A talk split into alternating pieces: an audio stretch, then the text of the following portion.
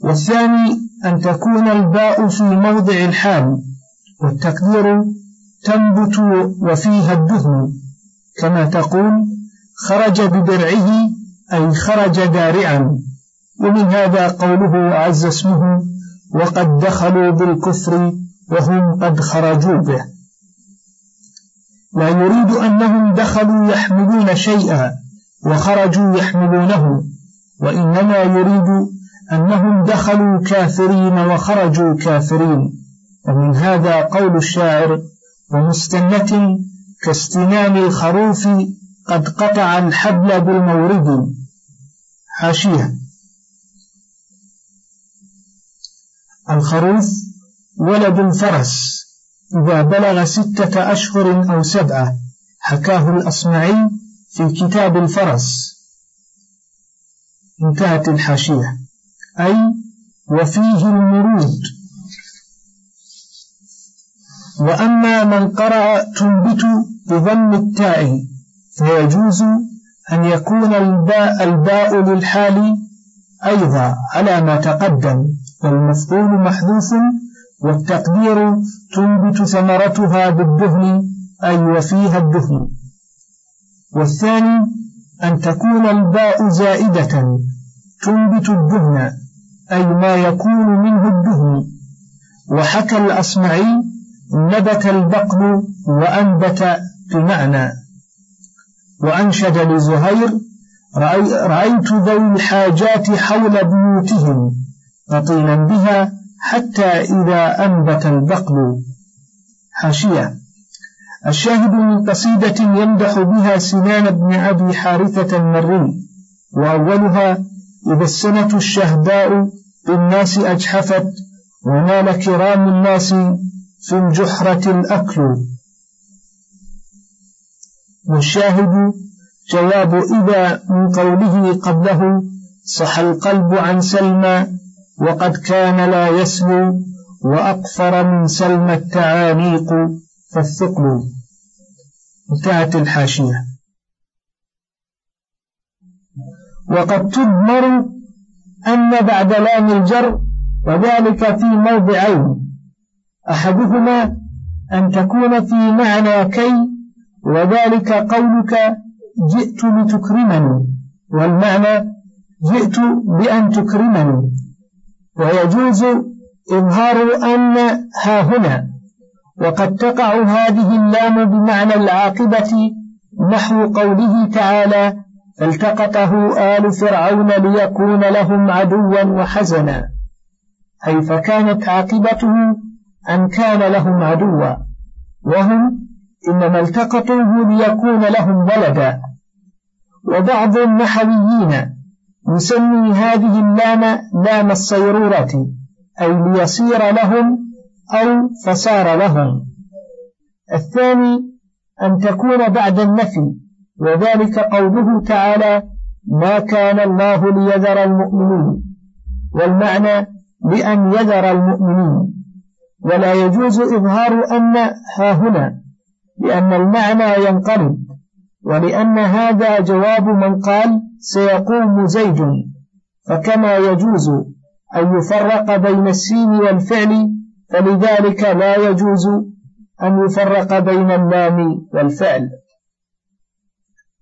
وأما الجازمة فلام الأمر وذلك نحو قولك ليقم زيد والغالب عليها أن تدخل على فعل الغائب وذلك نحو قولك لتعنى بحاجتي ولتزهو علينا وكذلك فعل المتكلمين نحو قولك لنقم ولنخرج.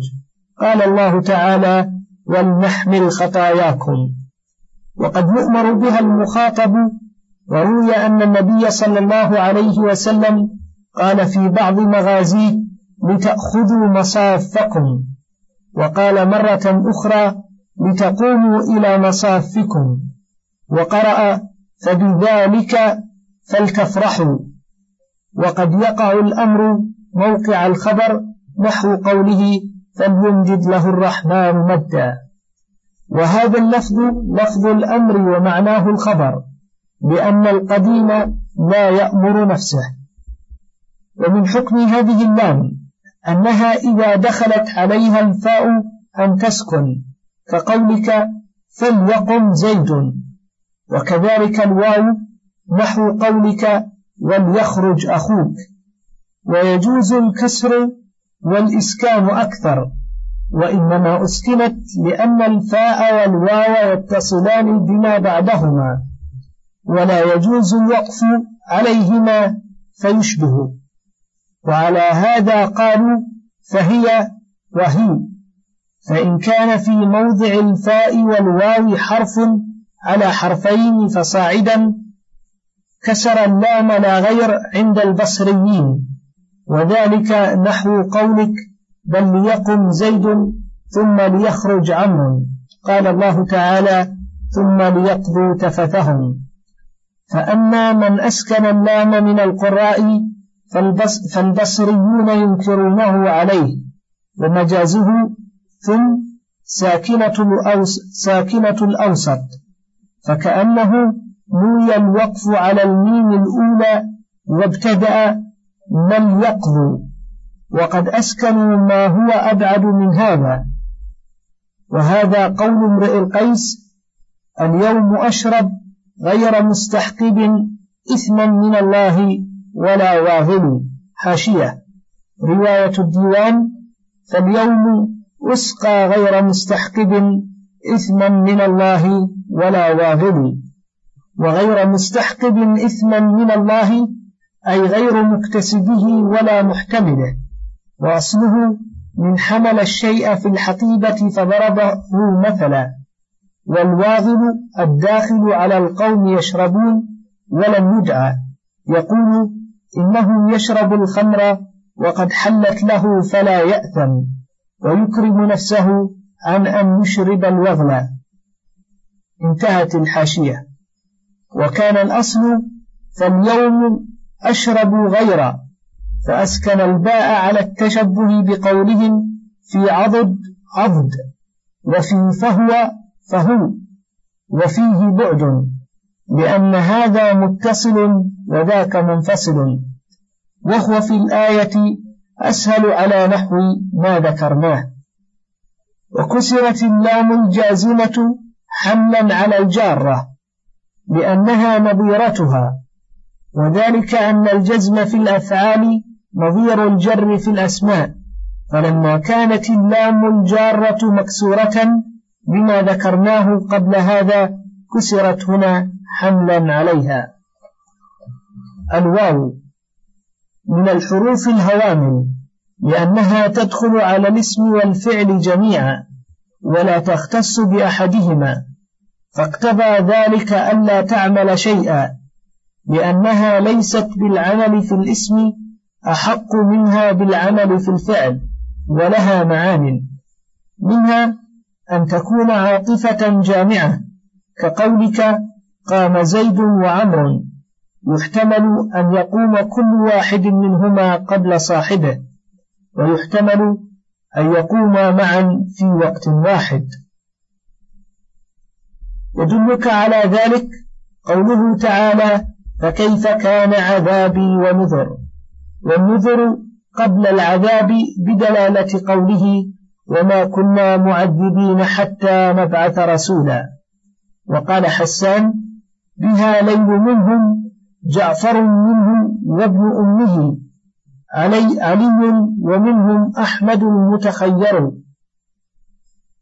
وذهب قطرب وعلي بن عيسى الربعي إلى أنه يجوز أن تكون مرتبة نحو قوله تعالى شهد الله أنه لا إله إلا هو والملائكة وأولو العلم وهذا كلام مرتب ويؤنس بهذا أيضا قوله تعالى وهو الذي كف أيديهم عنكم وأيديكم عنهم ببطن مكة وأنه لو كف أيديهم قبل كف أيدي عدوهم لكان في ذلك محنة لهم ومشقة عليهم. وهذا يؤيد مذهب الشافعي في أن الواو يجوز أن ترتب ويجوز أن تكون جامعة غير عاطفة. وذلك نحو قولك استوى الماء والخشبة أي مع الخشبة فحذفت مع وجيء بالواو فأوصلت الفعل إلى ما بعدها وهو الذي يسمى المفعول معه. وكان أبو الحسن الأخفش يذهب إلى أن ما بعد الواو ينتصب انتصاب مع في قولك جئت معه والوجه ما أبدى به لأن مع ظرف وزيد وما يجري مجراه لا يجوز أن يكون ظرفا. ويكون حالا في مثل قولك جئتك وزيد قائم ولقيت عمرا وعبد الله منطلق أي في هذه الحال. قال الله تعالى يغشى طائفة منكم وطائفة قد أهمتهم أنفسهم. وكان سيبويه يمثلها بإن وذلك أنك إذا قلت جئت وزيد قائم صلح أن تقول جئتك إذ زيد قائم. وإذا كان في الجملة التي بعدها ضمير يربطها بما قبلها جاز حذف الواو وذلك نحو قولك جئتك وأبوك قائم. ويجوز جئتك وأبوك قائم ولو قلت جئتك زيد قائم لم يجز. فإن قلت في دارك أو من أجلك وما أشبه ذلك جاز. ويكون قسما نحو قولك والله لأخرجن وهي بدل من الباء في قولك حلفت بالله لأخرجن. ولا يجوز أن تدخل على مضمر كما تدخل الباء في قولك به لأخرجن أنشد أبو زيد ألا همت أمامة باحتمالي لتحزنني فلا بك ما أبالي لأن الباء هي الأصل والواو بدل منها وقد شرحنا ذلك فيما تقدم وتضمر معها رب نحو قولك ورجل أكرمت وبلد دخلت قال وبلدة ليس بها أنيس إلا اليعافير وإلا العيسى. حاشية. قاله جردان العود واسمه العامر بن الحارث اليعافير جمع يعفور وهو ولد البقرة الوحشية والعيس بالكسر جمع عيساء وهي الإبل البيض يخالط بياضها شيء من الشقرة. انتهت الحاشية. والجر برب المضمر وقال أبو العباس الجر بالواو التي هي عوض من رب ويدل على فساده مجيء الجر على إضمار رب ولا عوض منها. وذلك نحو قوله رسم دار وقفت في طلله كدت أقضي الحياة من جلله. وقد جاء الجر مع بل وذلك نحو قوله بل جوز تيهاء كظهر الجحفة ولا يقول أحد بل يجر وقد يضمر مع الواو أن وذلك نحو قولك لا تأكل السمك وتشرب اللبن إذا نهيته عن الجمع بينهما. قال الشاعر لا تنهى عن خلق وتأتي مثله عار عليك إذا فعلت عظيم. حاشية من قصيدة لأبي الأسود الدؤلي منها لا تتبع سبل السفاهة والخنا إن السفيه معنف مشؤوم. انتهت الحاشية. فإن أردت أن تنهاه عنهما جميعا جزمت فقلت لا تأكل السمك وتشرب اللبن. ومما أضمرت فيه أن قول الشاعر للبس عباءة وتقر عيني أحب إلي من لبس الشفوف. حاشية. البيت بميسونة بنت بجدل الكلبية أم يزيد. تزوجها معاوية رضي الله عنه ونقلها من البدو إلى الشام فكانت تحن إلى أوطانها في أبيات مشهورة منها هذا البيت. انتهت الحاشية. ومن ذلك قوله تعالى وما كان لبشر أن يكلمه الله إلا وحيا أو من وراء حجاب أو يرسل رسولا فقرئ رفعا ونصبا فمن رفع فعلى معنى أو هو يرسل ومن نصب فعلى إضمار أن ولا يجوز أن تكون عاطفة على أن يكلمه الله لأن في ذلك إبطال الرسالة. وذلك أن التقدير يصير وما كان لبشر أن يكلمه الله ولا كان لله أن يرسل رسولا وهذا فاسد كما ترى. وتكون زائدة نحو قولك كنت ولا شيء لك. واختلف العلماء في قوله حتى إذا جاءوها وفتحت أبوابها. فذهب المبرد إلى أن الواو زائدة والتقدير حتى إذا جاءوها فتحت أبوابها. وأنشد فلما أجزنا ساحة الحي وانتحى بنا بطن خبت ذي قفاف عقنقلي. حاشية.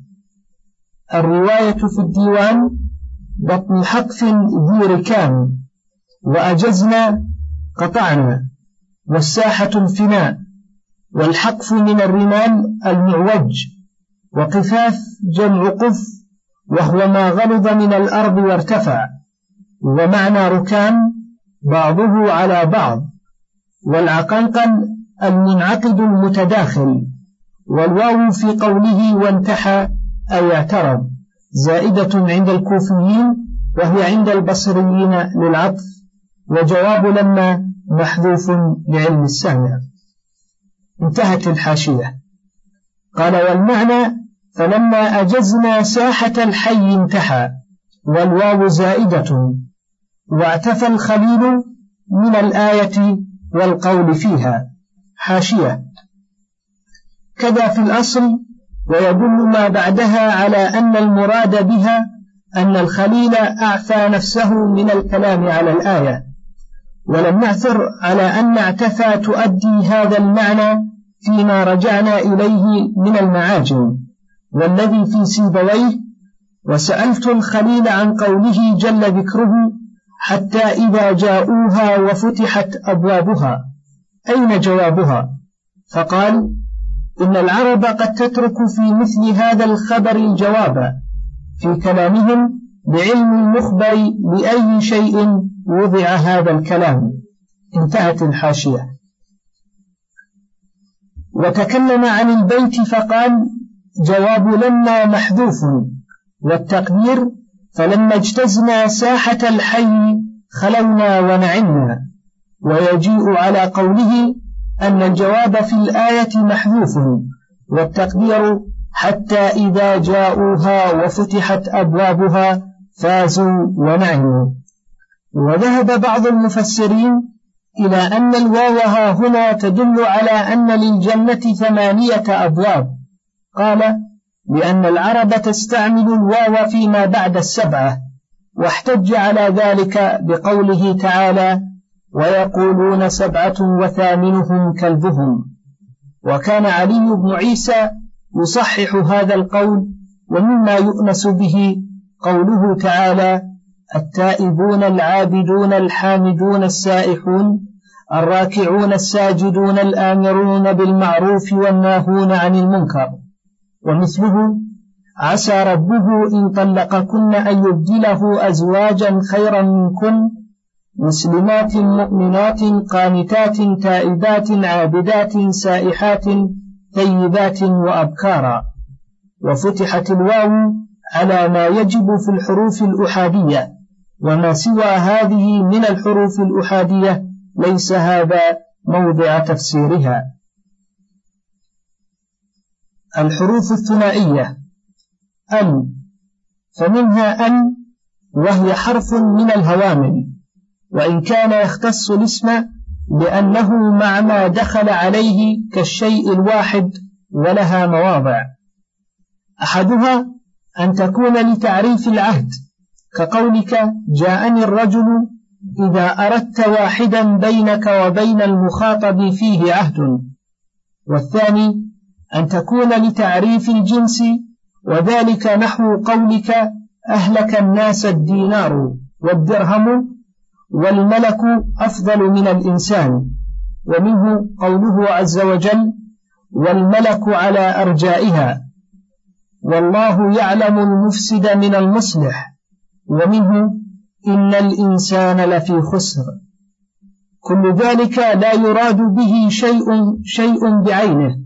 وإنما يراد به الجنس وهو واحد يدل على أكثر منه. والثاني أن يكون عوضا وذلك على ضربين. أحدهما أن تكون عوضا من الهمزة وذلك في اسم الله عز وجل الأصل فيه إله فحذفت الهمزة حذفا على غير قياس وعوض منها أن. هذا أحد قولي سيبويه وكذلك قال الفراء إلا أنه جعل الهمزة قياسا والأصل عنده الإله.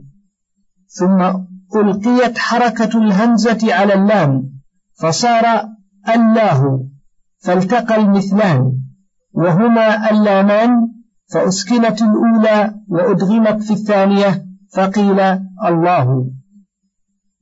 والقول الثاني من قول سيبويه أن الأصل لاه ثم دخلت ال التعظيم والتفخيم واستدل على ذلك بقول بعضهم لا لاه أبوك وقال ذو الإصبع لاه ابن عمك لا أفضلت في حسب عني ولا أنت دياني فتخزوني حاشية البيت من قصيدة يقول فيها يا من بقلب شديد الهم محزون أمسى تذكرها يا أم هارون ومنها أمسى تذكرها من بعد ما شحطت والدهر ذو غلبة حينا وذولين. ومعنى الشاهد كما جاء في المغني أي لله در ابن عمك لا أفضلت في حسب علي ولا أنت مالكي فتسوسني وتخزوني. انتهت الحاشية. يريد الله.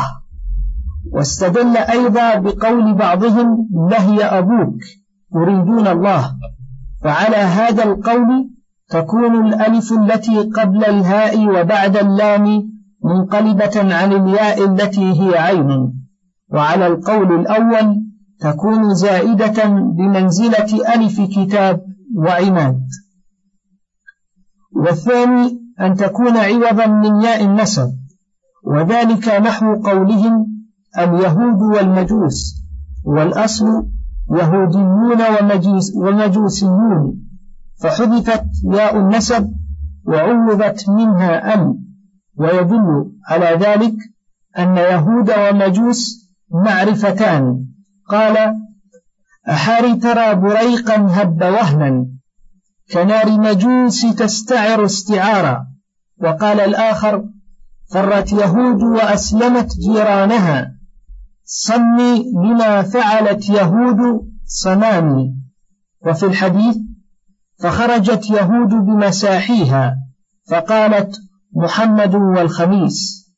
ومن هذا قول الشاعر والتيم ألأم من يمشي وألأمهم ذهن بن تيم بن السود المدانيسي حاشية. رواية اللسان ونسبه إلى جرير والتيم ألأم من يمشي وألأمهم تيم بن ذهل بنو السود المدانيس. ورواية الديوان أولاد ذهل مكان تيم بن ذهل. قال في اللسان وأما قولهم التيم فإنما أدخلوا اللام على إرادة التيميين كما قالوا المجوس واليهود. انتهت الحاشية. وإنما هم تيميون. والثالث أن تكون بمعنى الذي وذلك قولك القائم عندك زيد أي الذي قام. ويكون في المؤنث بمعنى التي نحو القائمة عندك هند. ولا بد لها من صلة وهي توصل بكل جملة يحسن فيها الصدق والكذب. ولا يدخل إلا على اسم الفاعل. وقد اضطر الشاعر فأدخلها على الفعل المضارع وذلك نحو قوله فيستخرج اليربوع من نافقائه ومن بيته بالشيخة يتقصع حاشية. البيت لذي الخرق الطهوي شاعر جاهلي واليربوع بويبة تحفر الأرض والنافقاء جحر يكتمه اليربوع ويستره ويظهر جحرا آخر غيره. وقوله بالشيخة وهو بالخاء المعجمة رملة بيضاء في بني الأسد وحنظلة وليتقصع أراد الذي يتقصع أو اليربوع الذي يدخل في قاصعاته في قاصعائه والقاصعاء جحر آخر من جحرة اليربوع انتهت الحاشية. وقال يقول الخنا وأبغض العجم ناطقا إلى ربنا صوت الحمار يجدع حاشية. البيت لذي الخرق الطهوي عن خنا الفاحش من الكلام.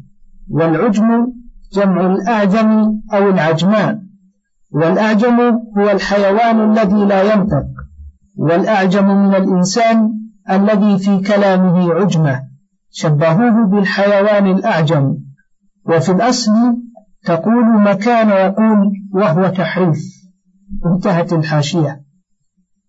ومثله ما أنت بالحكم ترضى حكومته ولا الأصيل ولا ذي الرأي والجدل وهذا من أقبح الضرورات ولا يجوز استعماله في سعة الكلام. والرابع أن تكون زائدة وذلك على ضربين إحداهما أن تكون زيادتها لازمة وذلك كنحو زيادتها في الذي والتي. والأصل ليت وليستا للتعريف. لأنهما يتعرفان بالصلة كما يتعرف من وما. وبهذا القدر من المادة الإضافية ينتهي التسجيل على هذا الشريط.